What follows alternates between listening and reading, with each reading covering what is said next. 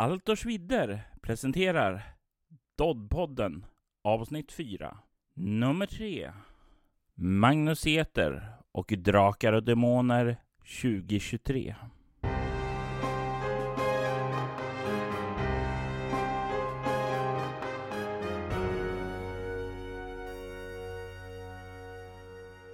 Ja, och eh, jag ska ju säga som så att jag har läst två äventyr, nämligen Orakelgrottan och Riddersrö som jag har spelat här i Lägereldssagorna i Altors vidder.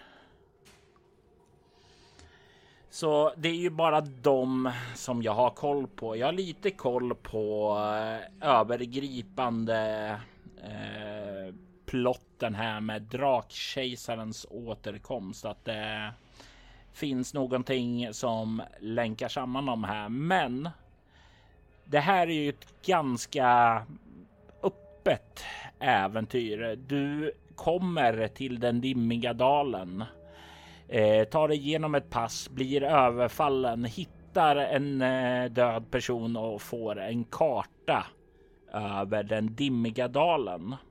Och jag tänkte vi kan ju börja och kolla på kartan då, Magnus, mm. som följer med.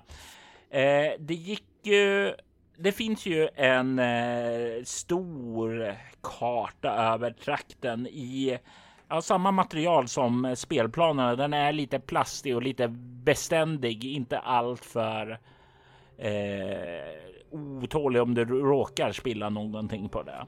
Nej, den, den är ju verkligen solid och den är fantastiskt vacker. Det är någon italiensk tjej som har ritat. Francesca Berald. Tror hon är italienska. Och det är ju en ganska snillrik grej tycker jag att du hittar en karta över området som du kan ge till spelarna som utifrån den här kartan kan kolla på det och sedan välja var de ska gå härnäst. Och olika platser leder in i de olika äventyren då. Ja, och, och, jag ska väl erkänna här att jag har läst i stort. Jag har spelat Ridders Rös. Eh, jag har skummat några av de andra äventyren och jag har skrivit Trolletin. Så mm. Det är Trolletin jag känner till bäst. Och så. Men med det sagt så är den här äventyrsboken är en av de sakerna som imponerar mig mest med eh, Nya Drakar och Demoner. Och det har inte så himla mycket med, med äventyrskvalitet att göra, även om de är höga och, och, det är väldigt olika spridning på hur det hur äventyren känns och, och vad man gör. Så där. Det är väldigt olika. Jag tycker de skribenterna har fått fram mycket olika stilar. Men Gunilla Micke har skrivit någonting, Moa har skrivit någonting, jag har skrivit någonting, Pelle Nilsson från Mörkborg har skrivit någonting. Johan Sjöberg, Niklas Dag, eh, Gabriel skrivit. Så att eh, nu, nu missar jag någon som, som, eh, som blir ledsen då. då. Eh, Svante Landgraf har Svante, skrivit Tempel, ja, Tempel Purple Brown. Precis. Eh, Mattias Jonsson Håk. Eh, nej, inte. Ja, skitsamma. Det är massvis med folk och alla har gjort det jättebra. Och bara det att det i den här boxen skickas med. Nu måste jag räkna de här. 1, 2, 3, 4, 5, 6, 7, 8, 9, 10. 11 äventyr. Mm. I en kampanj. I en separat bok. Alltså jag är så imponerad av att de valde att göra det här. I vanliga fall så får man med ett sketet litet äventyr i slutet på regelboken jag skulle inte sträcka mig som nödvändigtvis i vanliga fall, utan ibland till vissa ja. rollspel mm. får man med ett roll, alltså introduktionsäventyr. Ja, precis. Här kan någon köpa den här lådan, plocka upp det här, få en jättevacker karta som är fan, alltså, man jämför återigen med vad jag hade när jag var ung och, och rollspelen var gjorda av kottar och stick, pinnar och, och grejer. Och man fick jaga äventyren i skogen för att, att få tag på dem. Så ja, alltså jag hade ju ramlat omkull. Så coolt hade jag tyckt det här var med kartan. Alltså. och det, det, alltså det är ju någonting eh, som jag tycker är väldigt, väldigt inbjudande här. Just med kartan. För det ger ju spelarna en viss form av agens att röra sig var de vill. Det är inte som så att äventyren i sig eh, delas ut av eh, spelledaren, utan det är du som styr det utifrån vad du tycker är ballt på kartan. Om du bara kollar där över och sen så ser du Spegelsjön. Ja, men mm. det låter ju ballt. Jag vill till Spegelsjön. Nej, jag vill till Järnskogen. Men jag behöver en ny eh, rustning här. Jag vill till utkant och handla. Alltså. Vad är det för det... stor spindel som är där i Järnskogen? Ja, det vet man inte. Ja, men exakt. Och det, allt det här hjälper ju väldigt till för att eh, spelarna ska välja. Precis. Eh, vi talade ju även om kort tidigare. Just det, äventyrskorten. Jajamensan, och där har du ju också en sak där. För det är ju rykteskort i princip om alla de olika äventyren här. Och det är ju sådant som kan dyka upp att man hör i staden och då kan du dela ut ett kort. Du behöver inte agera på det ännu, men du kan ha med dig kortet och det ligger där i bakgrunden. Så det blir ju också så där att det hjälper ju till att ge spelaren ännu mer agens. Och med kartan och korten så ger det en eh, ganska som du sa, spelig eh, känsla. Alltså du har saker här, taktila saker som du kan röra vid som hjälper till att eh, ge spelaren agens att utforska den här dimmiga dalen. Ja, och hjälp att komma ihåg också. Det. Så spelare är ju jättedåliga på att komma ihåg saker. Så att det, ja men nu har vi de här korten. Det, det står Riddersrös, det står Suckarnas torn, det står Orakelgrottan här. Jaha, men då letar vi efter dem då. Det blir mycket lättare. Och här är kartan. Mm. Pang, pang. Så nu kör vi. Sådär. Ja. Nu, när jag, nu när jag kom på det eh, måste jag i alla fall nämna Andreas Marklund då som är den som har sytt ihop alla äventyr som har varit den som har varit kreativt ansvarig för att få fram äventyren. Uh, så att han är ju en gammal skribent. Han skrev faktiskt för uh, för uh, Kult. På äventyrsspelstiden. Och då kan vi även nämna Mattias Lilja som har bearbetat Dimman och där sedan. Precis. Så att det finns, det finns mycket bra eh, talang här. Och det tycker jag också är kul att de bar så många från många olika delar av hobbyn att, att bidra. Liksom. Det hade varit lätt att bara säga, men kan inte Blixt och Erik och jag och någon annan skriva lite äventyr då? Jag vill bara skjuta in också den mm. sista Mattias Jonsson Hake som Just. har skrivit Appelsborg då. Mm. Men jag håller ju helt med dig att det inte är de här vanliga, för det var ju vad de gjorde. Mm, vad Riot Minds gjorde 2016. Det var ju jag tog in eh, Anders Blix för att skriva ett äventyr och det mm. var ju traditionellt och sådant. Här ja. är det ju en blandning av gamla eh, veteraner, alltså ja, vi, vi har ju en, här, en person som heter Magnus Seter här som har varit med. Eh, Gunilla och Micke och Precis. framförallt då också eh, som ofta glöms bort Johan Sjöberg som Exakt. massor. Exakt. Och det är ju inte de vanliga som man förväntar sig. Okej, Gunilla och Micke förväntar man sig väl, men det är ju ändå en del andra där. Ja, blandat ja. med nya skribenter som Gabriel och Moa Frithiofsson. Ja, men precis. Och jag är jätteglad att Johan eh, Sjöberg är med igen. Eh, så det, det är jättekul. Han gjorde så sjukt mycket grejer eh, när det var när han var ung och taget var kaotiskt och han gjorde jättemycket. Man kan så. säga jättemycket om saker i hans äventyr. Mm. Men det är en sak som har min djupaste respekt och det är hans produktivitet. Ja. Hans disciplin att få ur sig saker. Ja. Alltså, du var ju inne på det tidigare. Target Games behövde mm, saker snabbt, snabbt och det behövde skrivas och sådant där. Och om du Alltså alla kan inte vara en Erik Granström som tar Nej. flera år på sig för då händer ingenting. Du måste ha saker som går snabbt och kommer ut och fyller luckor det där. Då, då behöver det inte vara perfekt heller utan idealt har en balans av de två. Så, här, så, att kartan är ju fantastisk. Men på baksidan av kartan så är ju alla backar. Då. Det kan ju sägas att det behövs nämnas då för många undrar var är den här listan? Och det är ju många namn. Ja, det är det. Jag hittar ju mig själv ganska snabbt. Eh, tack och lov för att de har tagit det i bokstavsordning. För annars hade det varit omöjligt att hitta om de hade tagit i backerordning. Ja, nej, det hade varit hopplöst faktiskt. Det hade varit verkligen. Jag var ju, tror jag, backare 19 då, så då hade ju varit relativt lätt för att hitta mig. Oj, ja, jag har ingen aning om när jag, uh, vilken backare jag har varit. Faktiskt, det där.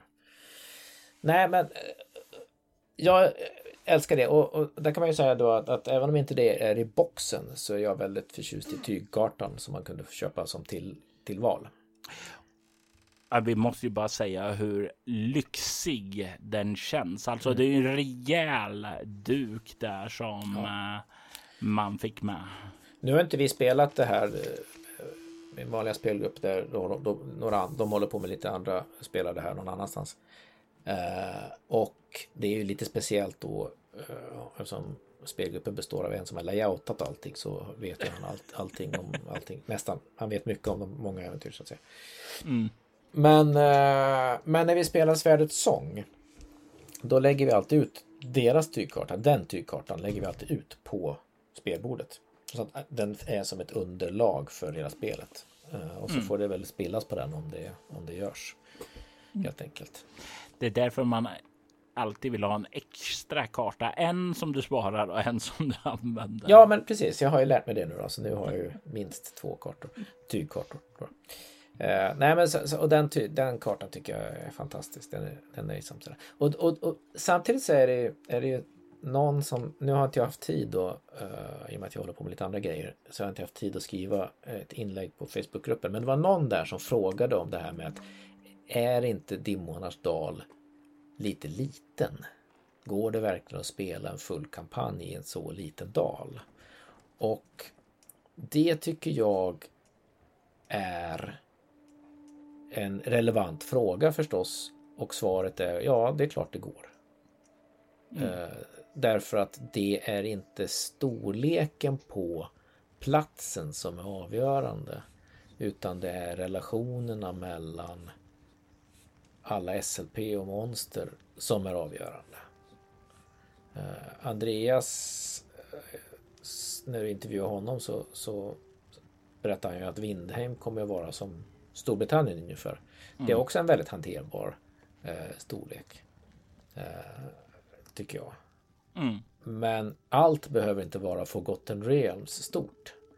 För Nej. att det ska kunna gå att äventyra saker och ting. Visst är det så att Kör man bara i utkanten då, då, då kanske inte, det kanske inte blir så många Spindelkonungens pyramid och det kanske inte blir så många eh, Nidlands äventyr. Därför att det är en, det finns ett, finit antal miljöer som man kan göra stora episka grejer i. När man väl har spelat första grejen. Men det är för mig är det just det här som är Drakar och Demoner. Men det är det som du talade om tidigare, att det är mer lokalt, att det är ja. litet där. Mm. Det är om vi kollar på äventyren som Döda skogen och sådant där. Det är ju inte riktigt samma sak som konfluktsviten, alltså. Nej. Eh, det är, eller Nidländska reningen. Det är ju storslagna berättelser som sträcker sig över flera land då. Ja. Här, men det är ju, var ju inte så i början av Drakar och Demoners historia.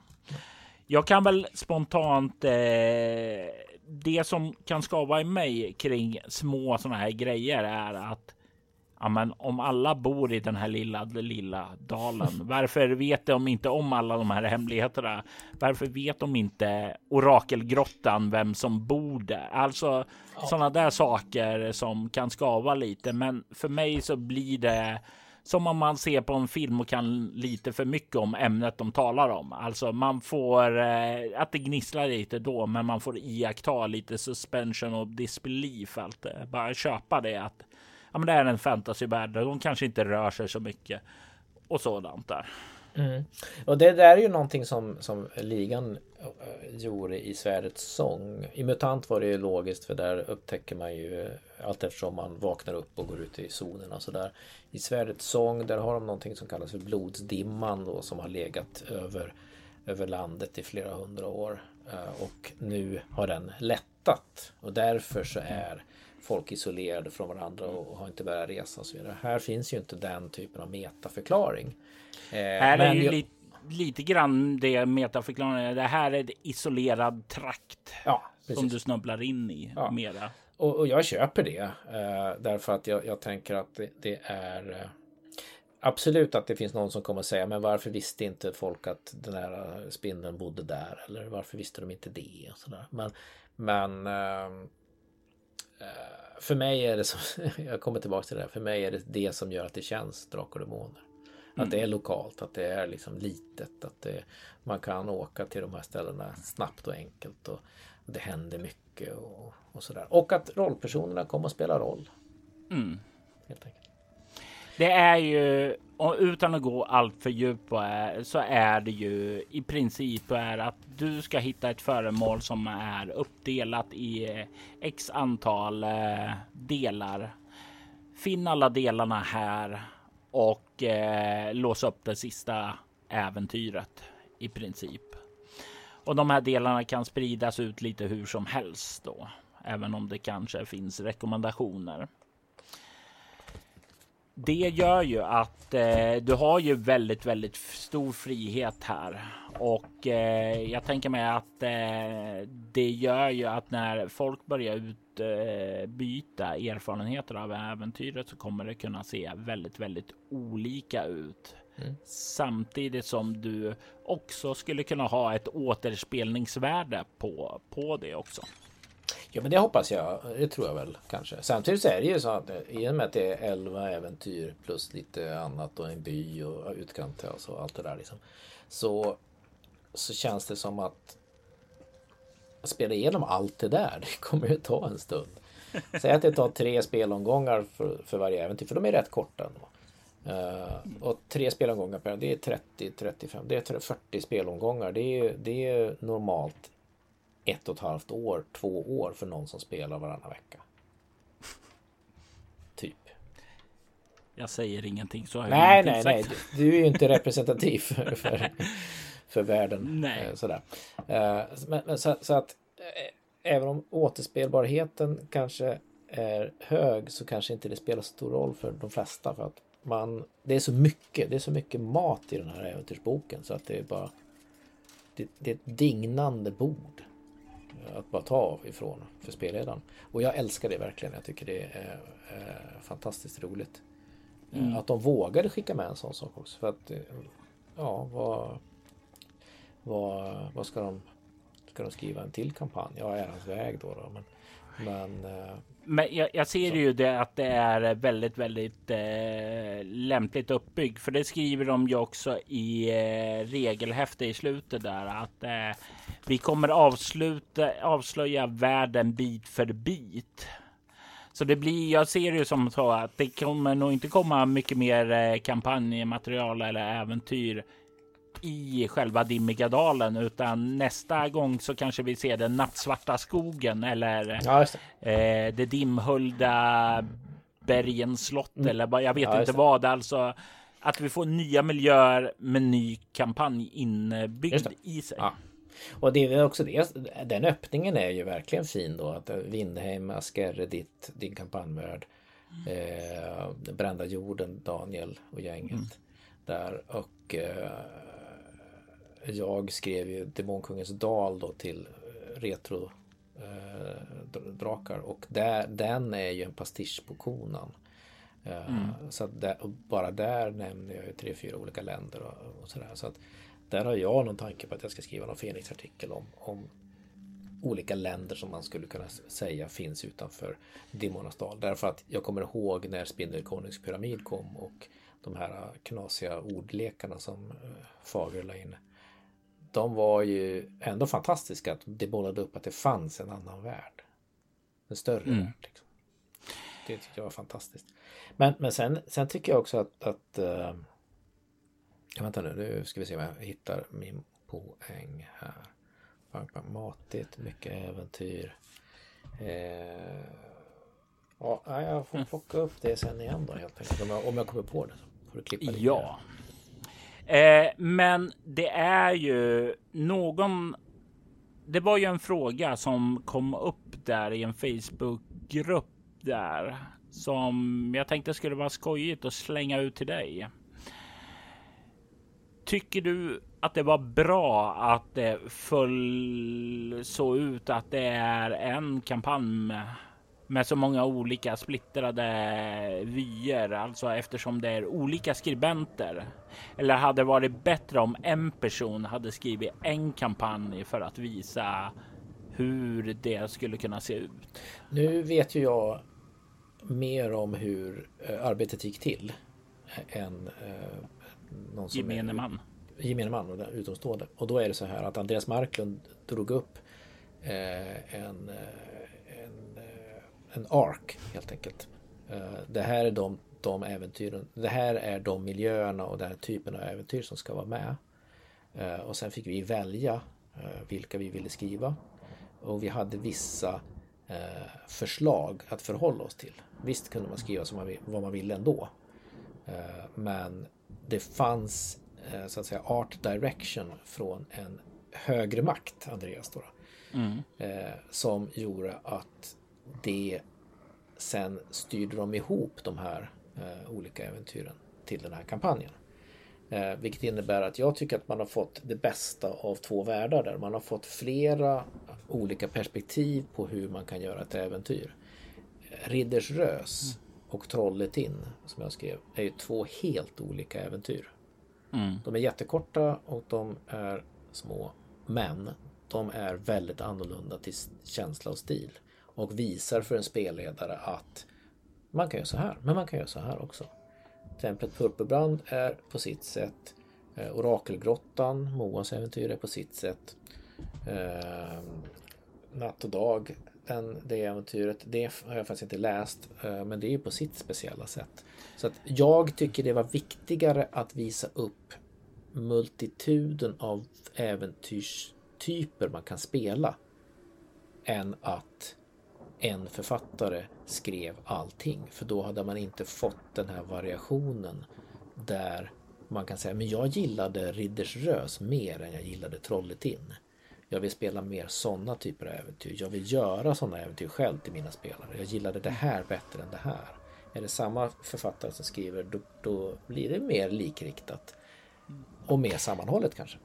Mm. Men inte lika kreativt och spretigt och spännande tycker jag. Och jag ska ju säga så, så att jag tycker det är skönt att de fått in lite så här representation av andra typer av skribenter. Alltså som inte bara är typiska nostalgiska män då, utan mm. vi kan få in nyare, ungare perspektiv också. Ja, men precis. Uh, jag tycker också uh, är superroligt och jag tyckte det var en bra mix. Som du säger Johan, att han dyker upp, Gunilla Micke med, jag är med. Eh, då har vi täckt upp gamla gardet. Eh, Pelle Nilsson, vår största rock'n'roll-stjärna inom eh, rollspel. Han och Johan Nor. Några Mörkborg, Pelle. Mm. Och så plötsligt dyker Niklas Natt och Dag upp. Ja, då har vi täckt in alla gubbar. Då tar vi in Moa, vi tar in Gabriel. Alltså, det vart en variation som, som är mer spännande än om de hade bett mig att skriva en kampanj. Mm. Typ. Det hade väl jag gjort. Liksom. men, men eh, det hade blivit mitt min take på Drakar och Demoner. Och mm. det hade blivit någonting som är mer likt eh, Vinterskogens hemlighet, Trollkvinnans gåta, eh, Trollet in, den typen av äventyr. Och de finns ju redan. Och här blir det ju också potentialen för alla typer av olika äventyr. Olika perspektiv ger olika möjligheter och ger nya fräscha, nya fräscha ögon för de som inte riktigt har det gamla kan ju göra. Jaha, kan man göra så här ballt? Medan gamla bara, ja men det här äventyret, det känner jag igen. Det här är ju som Drakar och Demoner ska. Alltså det finns någonting för de flesta. Ja men precis. Och jag, och jag, det, det, är ju ändå så pass mycket Drakar och Demoner i äventyren att eh, det, är liksom, det är inte så att ett känns som att det är cyberpunk och ett känns som att det är science fiction. Ett känns så. så liksom. det, är inte, det är inte Barrier Peaks vi pratar om här. Dödslägenhetsäventyret med rymdskepp och grejer. Utan det är fortfarande Drakar och Demoner. Lite olika monster. Och olika plots. eh, och stories i varje äventyr och, och olika nivå av hur man ska göra för att lösa eh, äventyret. Så att säga. Mm. Och det ger mer input, mer varierad input till en ny spelledare än om man får en Dragonlance där det står gör så här. Den må vara episk och epic och fantastiskt alltså men, men den var ju fan så jävla rälsad och, och, och det är samma skribenter ett bra tag och sen så ja. Jag, jag, tycker, jag tycker det var rätt att göra så här. Så att, för jag älskar det här formatet. Mm. Eh, det är också, det, det, man, man ska inte sticka under stol med att det, det, finns ett värde i att en sånt här äventyrs, en sån här äventyrsbok ger känslan av att jag kan spela det här. Nej, det är ju väldigt, väldigt viktigt, särskilt för en ny målgrupp av rollspelare. Ja, men precis. När jag köpte Beyond the Mountains of Madness till Call of Cthulhu, den är väl på 450 sidor eller någonting sånt där. Liksom. Uh, och, och, jag känner, ja, men jag, nu, nu. nej men hur ska jag kunna spela klart det här överhuvudtaget? På, äh, äventyret i Drakar och månen, den här Drakkejsarstatyettens äh, återkomst. Drakkejsarens återkomst kanske det heter. Eh, där kan jag spela ett par, två, tre stycken. Och jag kan låta dem hitta den här, de här grejerna de behöver för att göra det de ska till sist. Jag behöver inte ha 11 äventyr för det. Om jag vill kan jag göra det. Om jag mm. inte vill behöver jag inte. Nej. Med andra ord, jag kan ta mig an den här boken och känna att ja, men jag klarar mig igenom det här utan att jag behöver inleda någonting som inte avslutas. Absolut. Och jag känner ju så här för mig ur mitt perspektiv. Jag har ju mina lägereldssagor och eh, tanken är ju då att kunna uppleva olika äventyr med olika personer som går där och sen kanske väva, eh, kanske låta någon annan som typ du Magnus spelleda ett äventyr också där.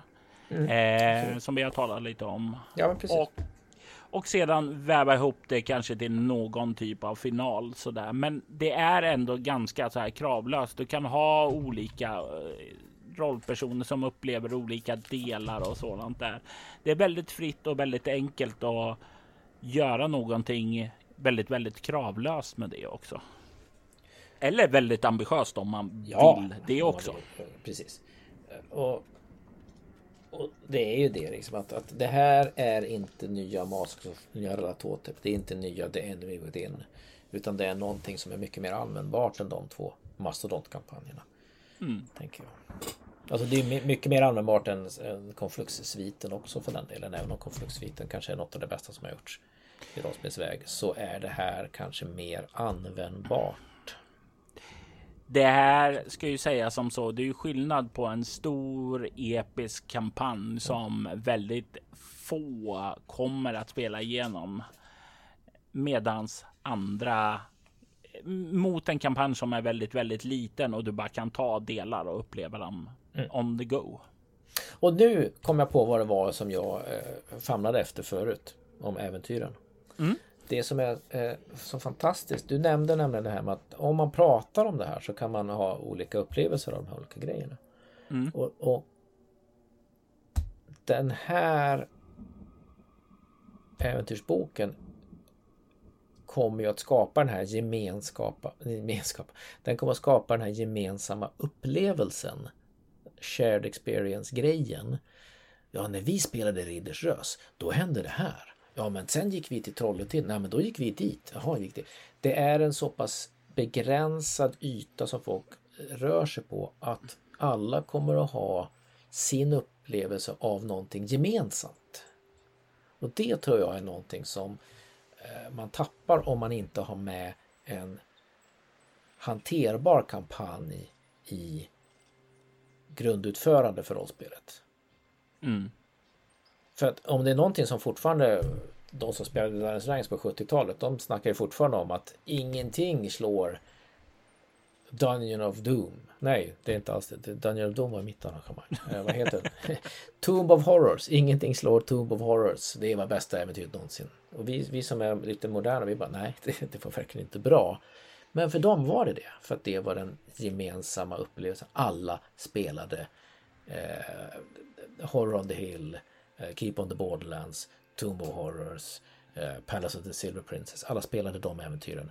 Och det vart en väldigt stark gemensam mytbildning kring de äventyren. Och det är det som finns potential att göra med den här äventyrsboken. Yes, jag håller helt med dig i det. Och, och, det är ingenting som är nytt för ligan. De har gjort likadant i Svärdets sång och MUTANT och lite sådär. Liksom. Men den här boken är väl, tycker jag då, mycket mer tillgänglig och användbar, som jag tjatar om, än till exempel Korpens klagan eller Bittermarken.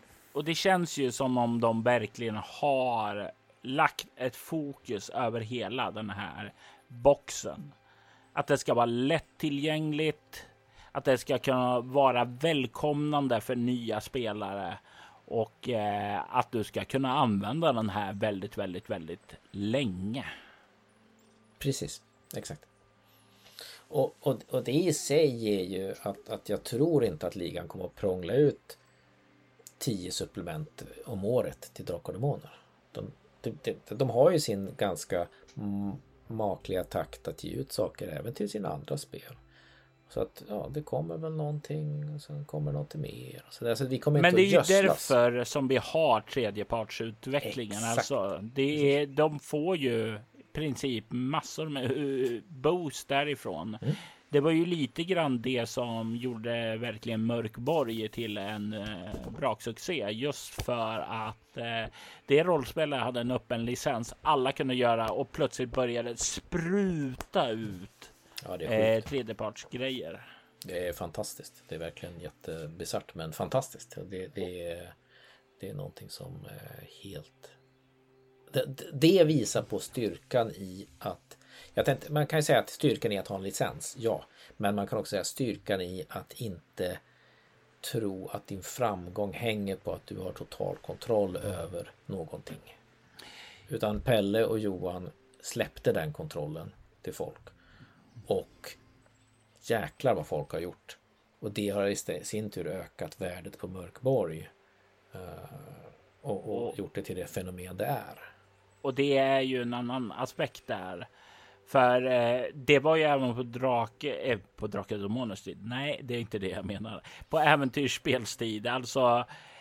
Där talar man hela tiden att de hade sug efter mera, men de hade inte eh, så att de kunde producera mera författare och allting sådant där. Att det var brist på det det gäller ju att hålla spelet vid liv mm. och du kan inte göra allt själv, utan om du får en levande tredjepartstillverkare så kommer ju du att ha ett intresse för ditt spel eh, även framöver, även om du bara släpper en, två böcker om året där. Mm. Om andra släpper 30 böcker eller 10 böcker, alltså det blir ju då saker och ting som håller ditt spel vid liv tills din nästa grej kommer. Mm. Och, jag, och jag tänker att, att det är bland annat därför som jag skriver för Fenix.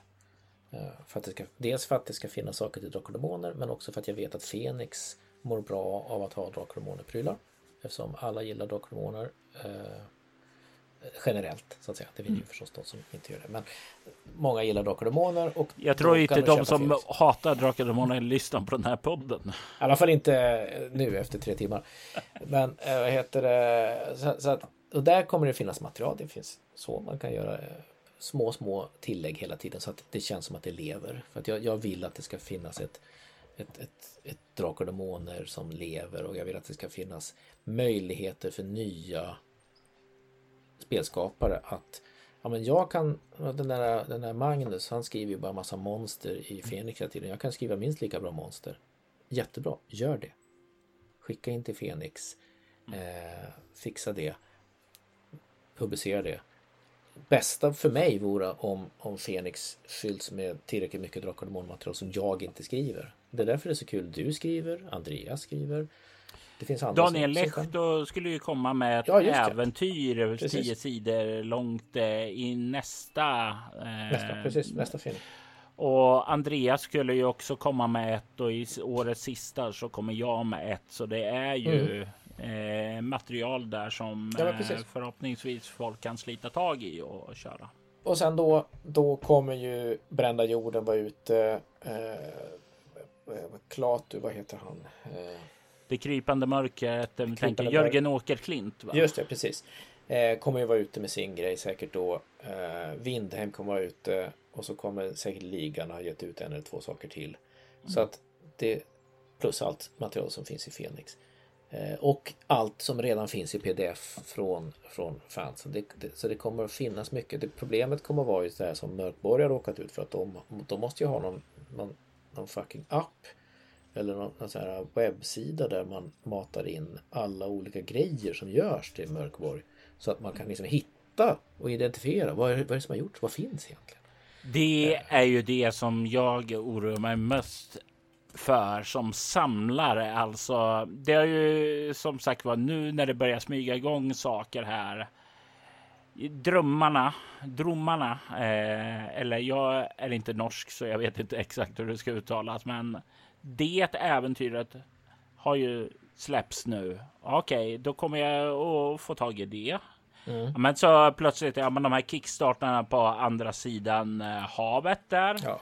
Ja, men eh, de får tag, får tag i det. Okej, okay, hur ska jag få tag i det i fysisk form? Jag börjar ju redan eh, oroa mig för eh, min samlargen här. Då.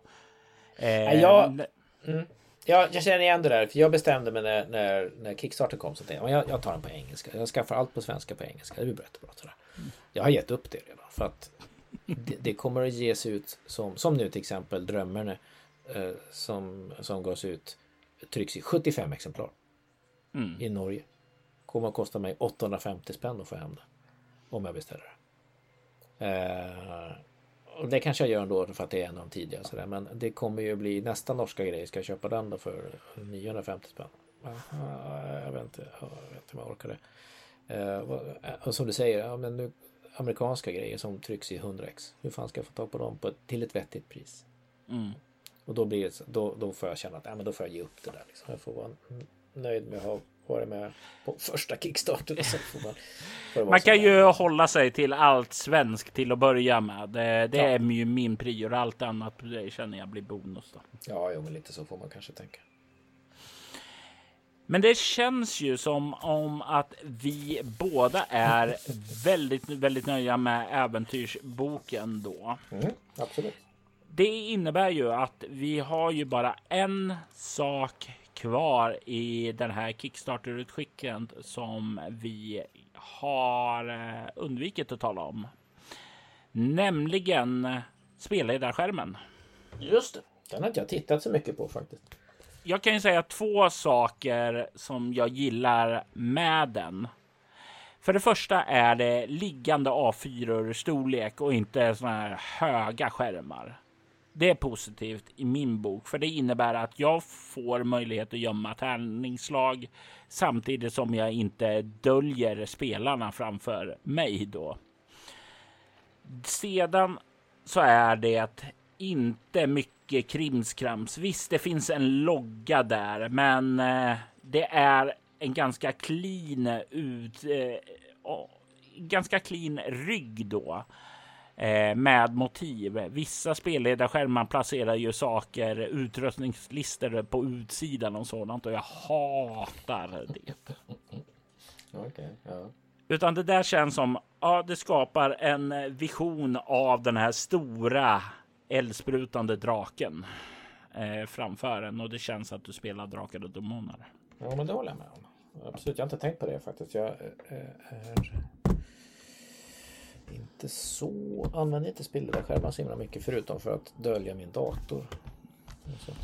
Nej men vad jag har sett, annars är det ju en, är en klassisk eh, spelledarskärm på så sätt att den är ju hård, ordentlig och eh, känns också som att de har verkligen gått all in på det här med att ha bestrykningar och allting. Den, ska, den ska klarar, den klarar att användas helt enkelt. Precis, och det är ju en väldigt, väldigt viktig sak, för det här är ju någonting som kommer användas då. Sen, eh. sen typiska SLP, jättebra. SLP och färdigheter, kort sammanfattning om det, initiativ för SLP, jättebra. Hela den hö, vänstersidan blir det. Eh, handlar om SLPs. I mm. mitten mm. står det handlingar och mäta tid. Demonslag i närstrid och avståndstid. Jättebra att det finns med. Skräcktabellen, ja det är bra. Det används rätt ofta i monster. Och sen en tabell för lämna äventyrsplatsen och missöden för stigfinnare. Där känner jag att de kanske är lite...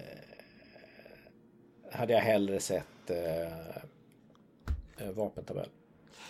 Jag klarar mig faktiskt utan en vapentabell. Vad jag däremot skulle vilja ha här är en färdighetslista.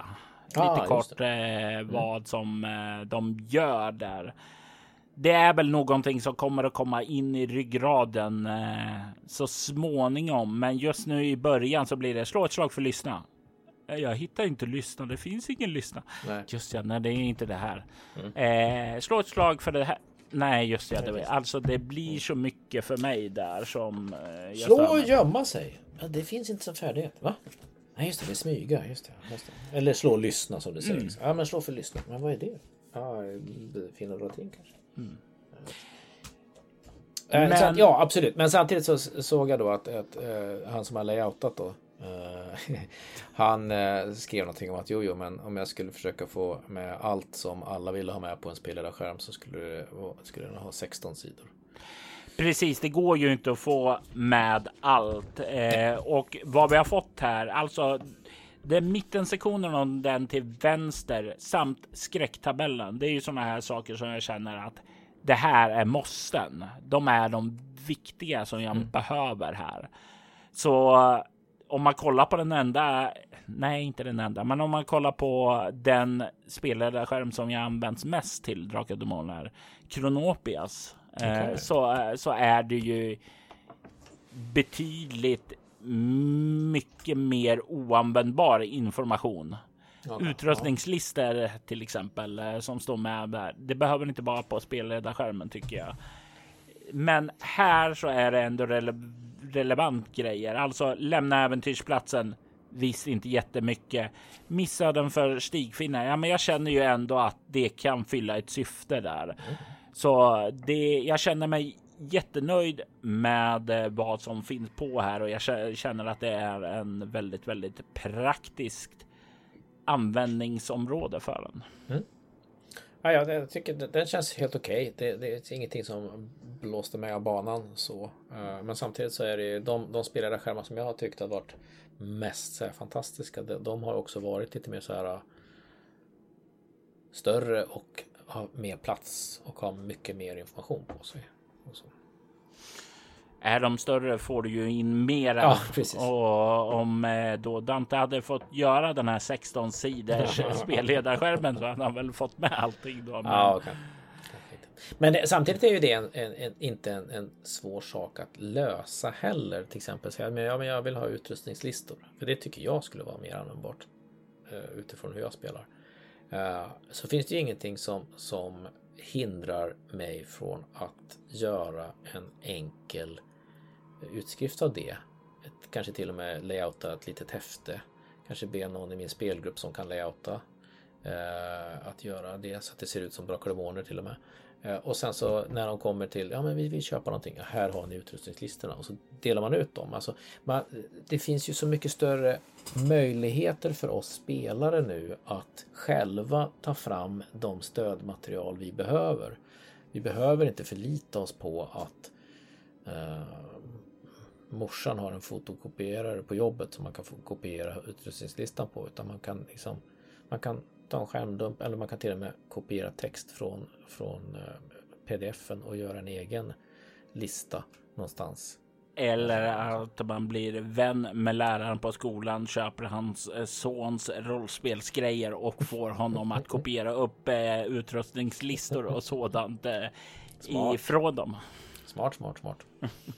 Lite omständigt kanske, men jag, jag, jag, tror att det, jag tror att de skulle tycka det var lite, lite suspekt om jag, jag hängde på skolan och försökte bli kompis med, med kidsen där. Det skulle det vara nu för tiden, men eh, förr var det väldigt, väldigt praktiskt. Där. Ja, men eh, jag, jag, körde ju så liknande förr. Man gjorde de här fotostatkopiorna och sen körde med dem. Alltså man behöver inte ha allting. Det går att lösa. De där grejerna tycker jag nästan är mer praktiskt göra de typen av lösningar än att ha det på skärmen då. Ja. Eh, de är ju roliga. Då är vi tillbaka till det taktila. Tänker jag. Liksom att, ja, men här har ni, här har ni grejen. Nej, jag ska bara kolla en sak här förresten. Eh, ja, det slog mig inte förrän nu att, att till skillnad från alla andra. De har ju fasen inga, har inga vapenillustrationer. Men det var ju någonting som inte heller fanns i Expert. Nej, nej, nej, precis, exakt. Jag bara, jag bara tänker att det har blivit så himla standard att, att man ska ha med tuffa svärd och, och olika grejer. Så att, att, jag tänkte inte ens på att det inte var med. För att man ser det på så många andra ställen. Men som sagt, det fanns inte med förr heller. Det fanns ju i eh, splatboxen till både 91 som i och för sig hade det nu när jag tänker efter, även i eh, bok 3 då och i Kronopia-modulerna då. Men eh, jag, jag, känner inte att jag behöver det. Nej, Hur många gånger kan man se ett kortsvärd? jo, lite så är det. Ja, och det finns ju i svärdets sång om inte annat. Mm. Men eh, nu har vi talat en kort liten stund här om själva boken. Eh, jag kan ju säga som så att jag är väldigt, väldigt nöjd med det som vi har fått för våra pengar. Det är mycket, det är välskrivet och jag ser så många olika möjligheter till att använda det. Ja, jag håller med. Alltså, lådan vart eh, fantastiskt bra och även om omslaget inte var det som jag eh, först tänkte mig så tycker jag att det är indikativt på något sätt att det är ett annat omslag för att det är en annan upplevelse och det är en annan tid för Drakar och Demoner. Eh, och, och, det är därför det också är bra att det vart ett nytt omslag. För att det signalerar ju vad det här är, tycker jag. Och vad det är, är en, en av de absolut bästa grundboxarna till ett rollspel som jag någonsin har haft. Jag tycker den enda som jag skulle säga att jag fick en, har fått en större sån här, ja det här är mäktigt och coolt och det här är oj oj oj. Det var Call of Cthulhu, andra upplagan. För det var en stor box och det var mycket, det var regelböcker och det var en stor världskarta och det var, alltså det var jättemycket fina grejer. Inte på, alls på samma sätt strömlinjeformat som det här är, men det var ändå den känslan. Men det här är fasen en av de bästa boxarna jag har sett. Och det säger mannen som har spelat Drakar och Demoner sedan 1982 förra årtusendet. Precis. För tusen år sedan när Magnus Seter ja. Jag hoppas att ni lyssnare har fått några korta intryck av eh, vad vi tycker om fria ligans eh, drakar och demoner. Innan vi tar farväl av varandra så tänker jag nu att det är ödets timma har slagit för dig. Du satt här i början Magnus och sa att ja, men jag hade ju tre rätt där Andreas Lundström bara fick ett. Mm. Så nu så tänkte jag att det är dags för en eh, Drakar och Demoner Trivia för dig. Jag är helt säker på att jag kommer få max ett poäng den här gången. Det är ju alltid lättare när man sitter i soffan och kollar på någon annan att komma mm. med de rätta svaren. Precis. Men låt oss se nu. Mm. Vi börjar med den första frågan. 1987 så släpptes expansionen Samurai. Det var en eh, orientalisk take på Drakar och Demoner och eh, tog oss till landet Jipun. Det blev inte någon större succé och det släpptes bara en i en bok till den här samurajboxen. Vad hette äventyret som släpptes till samuraj? Shoguns vrede. Det är korrekt. Och, yes, jag fick eh, min poäng! det var väl Micke och Gunilla som skrev Samurai, va? Tror jag. Det var vad jag trodde också, men det är Henrik Strandberg och Anders Blixt som är Jaha. konstruktörer till det. Däremot Okej. så skrev de. eh, Jag vet att eh, Gunilla skrev väldigt mycket till eh, Samurai i Sinkadus äventyrerna Ja, just det. eh, och sådant där. Och jag inte riktigt koll på vem som skrev Shoguns vrede där. Jag för mig att det är någon slags... Som inte har någon näsa på omslaget av Shoguns vrede. Det är ju några djurfolk där, djurfolk som inte ens finns representerade i Samurai där, utan det är ju definitivt ett billigt omslag som de har fått som ser ballt ut, men som definitivt inte är någonting med äventyret.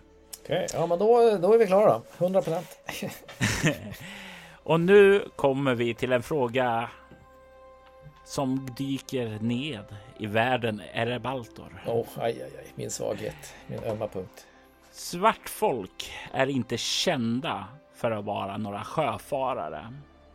Men i modulen Kopparhavets kapare som släpptes 1991 så beskrevs det eh, att då orcher frivilligt begav sig ut på haven så gjorde de det i stora flottar som bildade små samhällen snarare än re- reguljära skepp.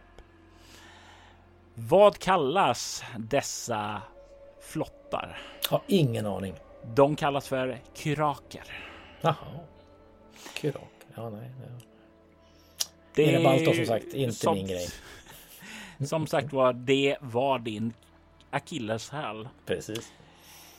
Riot Minds släppte ju Drakar och Demoner i en ny version 2016. Mm. Och det släpptes en monsterbok dit och vi har ju under scenariot här kallat dig för Monster Magnus här. det. Men eh, då tänker jag att då har du säkert koll på vem som illustrerade monster i monsterboken. David Brasgalla. Jajamensan, det är korrekt. Eh, det är två rätt. Ja, det här går ju bra. Två av tre än så länge. Andreas, släng dig i väggen. Vi återvänder till den senare historien från eh, Target Games och i Altors baksida så beskrivs översiktligen vad som händer vid de olika konfluxerna. Vi vet ju sedan tidigare vad tredje och femte involverar eftersom de sker på den vänstra halvklotet. Men vad hände egentligen under den fjärde konfluxen som skapade mycket av Kronopias världsbild? Jag har ingen aning. Jag har någon slags misstanke om att du har sagt någonting om det här i något inlägg de senaste dagarna. Där du, där du sa någonting om någon konflux. Men jag... Nej, jag vet faktiskt inte. Det var då som Karon befriades ifrån sitt fängelse nere i Magma-oceanen och drog med sig sina hängivna som svepte över världen där. Och det hängivna är ju en väldigt, väldigt stor del av Kronopias världsbild, särskilt när man kommer ut i Altors baksida. Det, det är roligt för det, det, det är någonting du har sagt när vi har spelat uh, Urmakarens torn och det där vid Karons magma, osan, svavel, oceaner eller någonting sånt där. Och då har jag tänkt, Mm. ah, det, var ju, det är något uttryck sådär. Men då var det därifrån, okej. Ja, Det är finns mycket att upptäcka för dig där också. Ja, precis. Vi får se är vad Mo överlever och kan Ja. uppleva. Ja, nu har han ju, nu är han ju levande. Vad heter det? Två av fyra då? Det är... mm. Och det är ju inte helt omöjligt att du kan det här sista, för vi återvänder till Riot Minds första utgåva Mm. av Drakar och Demoner. När kom den? Eh, 2000. Jajamensan. Eh, där så introducerades vi till två religioner. Det var ju en världslös bok, men religioner planterades ju där. Och jag vill att du nämner en av de två religionerna Jag ser nu här att du har det i bakhuvudet, men. Alltså jag, det... tror att en, jag tror att en är Garbanis. Um, tror jag. Är det fel? Ja, det får du. får jag veta sen. Uh, vad var det mer? Uh, ska vi se då. Uh, pom, pom, pom. Vad heter de prästerna nu igen? Den där korrektur läste jag. Uh, uh, uh, uh, Garbanis, prästerna och... Ja, det är faktiskt det enda, enda som, som dyker upp i huvudet. Garbanis. Jag vill att du stavar eh, religionen här för mig oj, eftersom eh, det... Det är nästan rätt med andra ord. Okay. Eh, med tanke på att uttal kan uttalas på lite olika sätt så vill jag ha klart vad du menar där. För du är nästan rätt ute. Eller så är du rätt ute.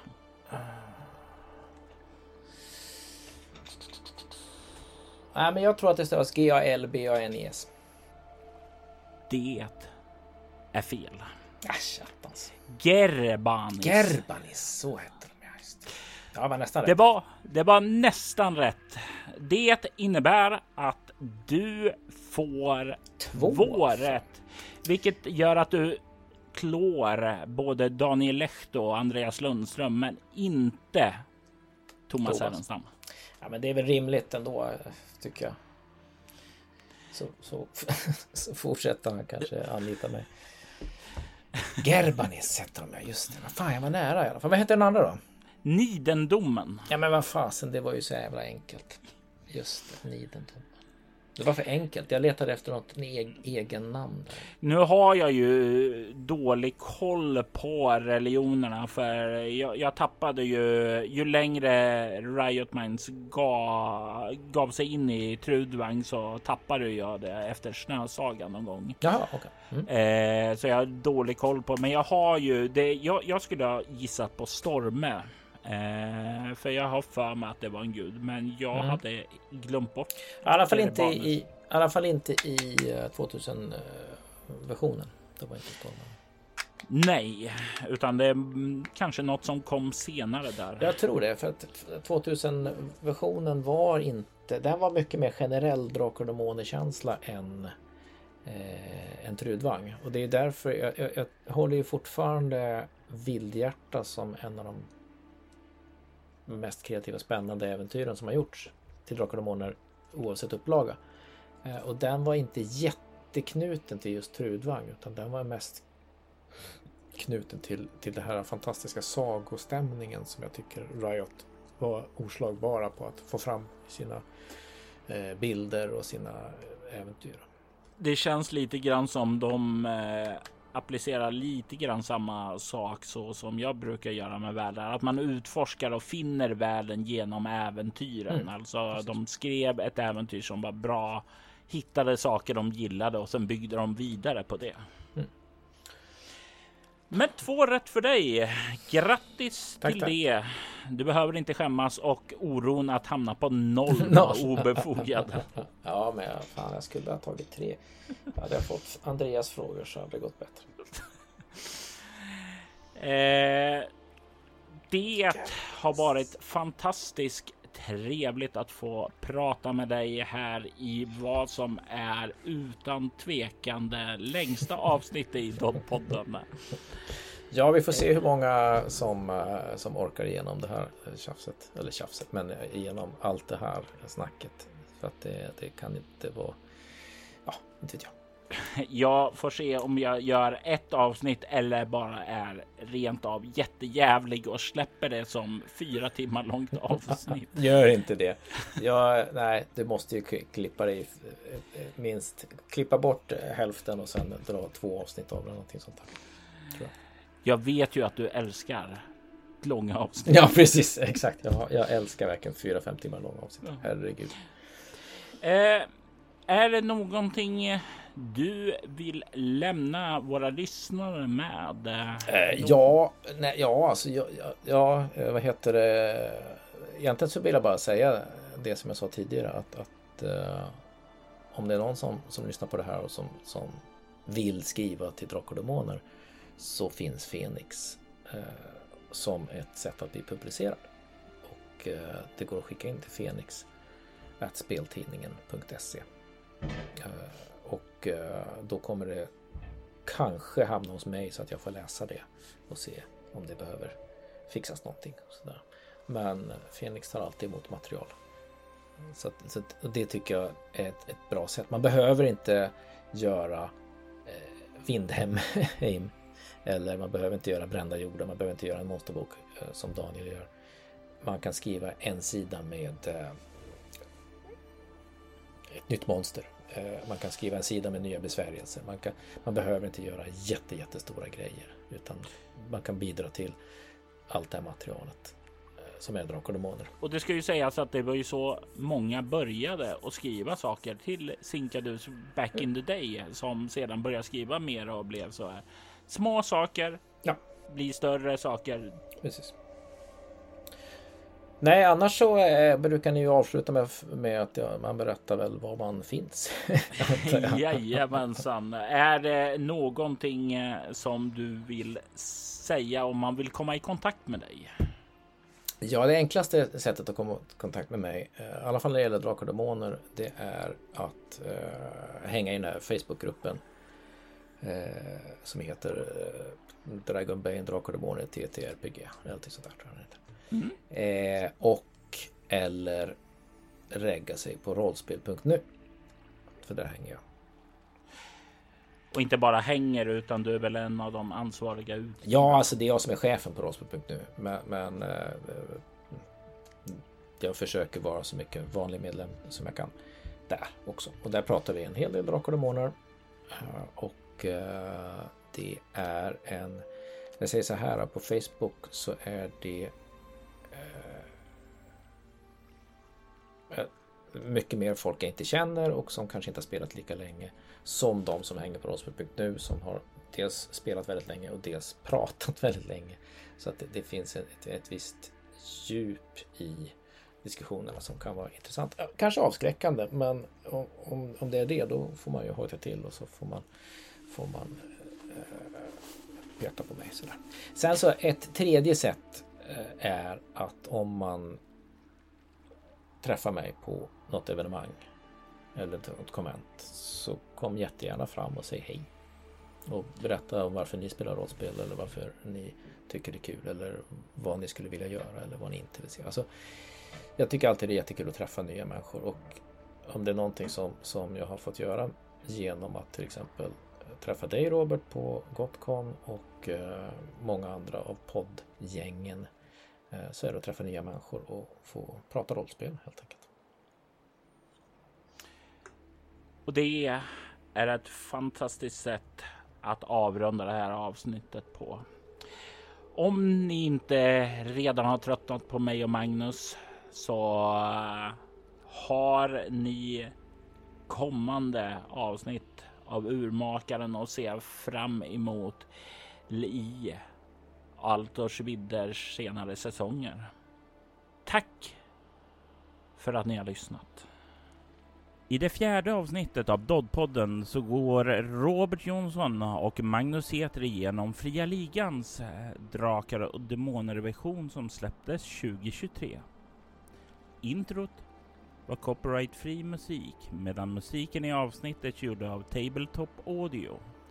Tabletop Audio finner du i länken till detta avsnitt. Söker du efter fler poddar i liknande stil som Allt och rekommenderar vi Soloäventyret där vi spelar skräck och science fiction och Valerie Chronicles där vi får följa en nybliven vampyr i en värld av mörker.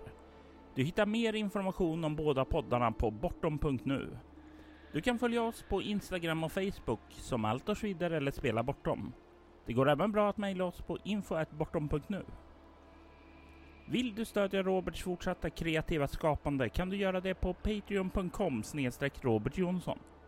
De som backar får tillgång till material i form av extra poddar. Jag är Robert Jonsson. Tack för att du har lyssnat. I det fjärde avsnittet av Doddpodden så går Robert Jonsson och Magnus Eter igenom Fria Ligans eh, Drakar och Demoner-version som släpptes 2023. Introt var copyright-fri musik medan musiken i avsnittet gjorde av Tabletop Audio. Tabletop Audio finner du i länken till detta avsnitt. Söker du efter fler poddar i liknande stil som Allt och Skidder rekommenderar vi Soloäventyret där vi spelar skräck och science fiction och Valor Chronicles där vi får följa en nybliven vampyr i en värld av mörker. Du hittar mer information om båda poddarna på bortom.nu.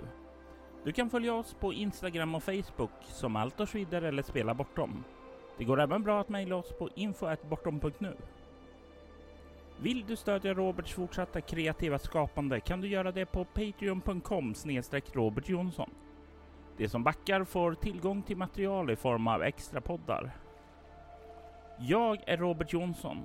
Tack för att du har lyssnat. Vi vill ta tillfället i akt att tacka, hylla och hedra våra Patreon-backare. Ty Nilsson Daniel Pettersson, Daniel Lands och Morgan Gullberg. Ert stöd är djupt uppskattat.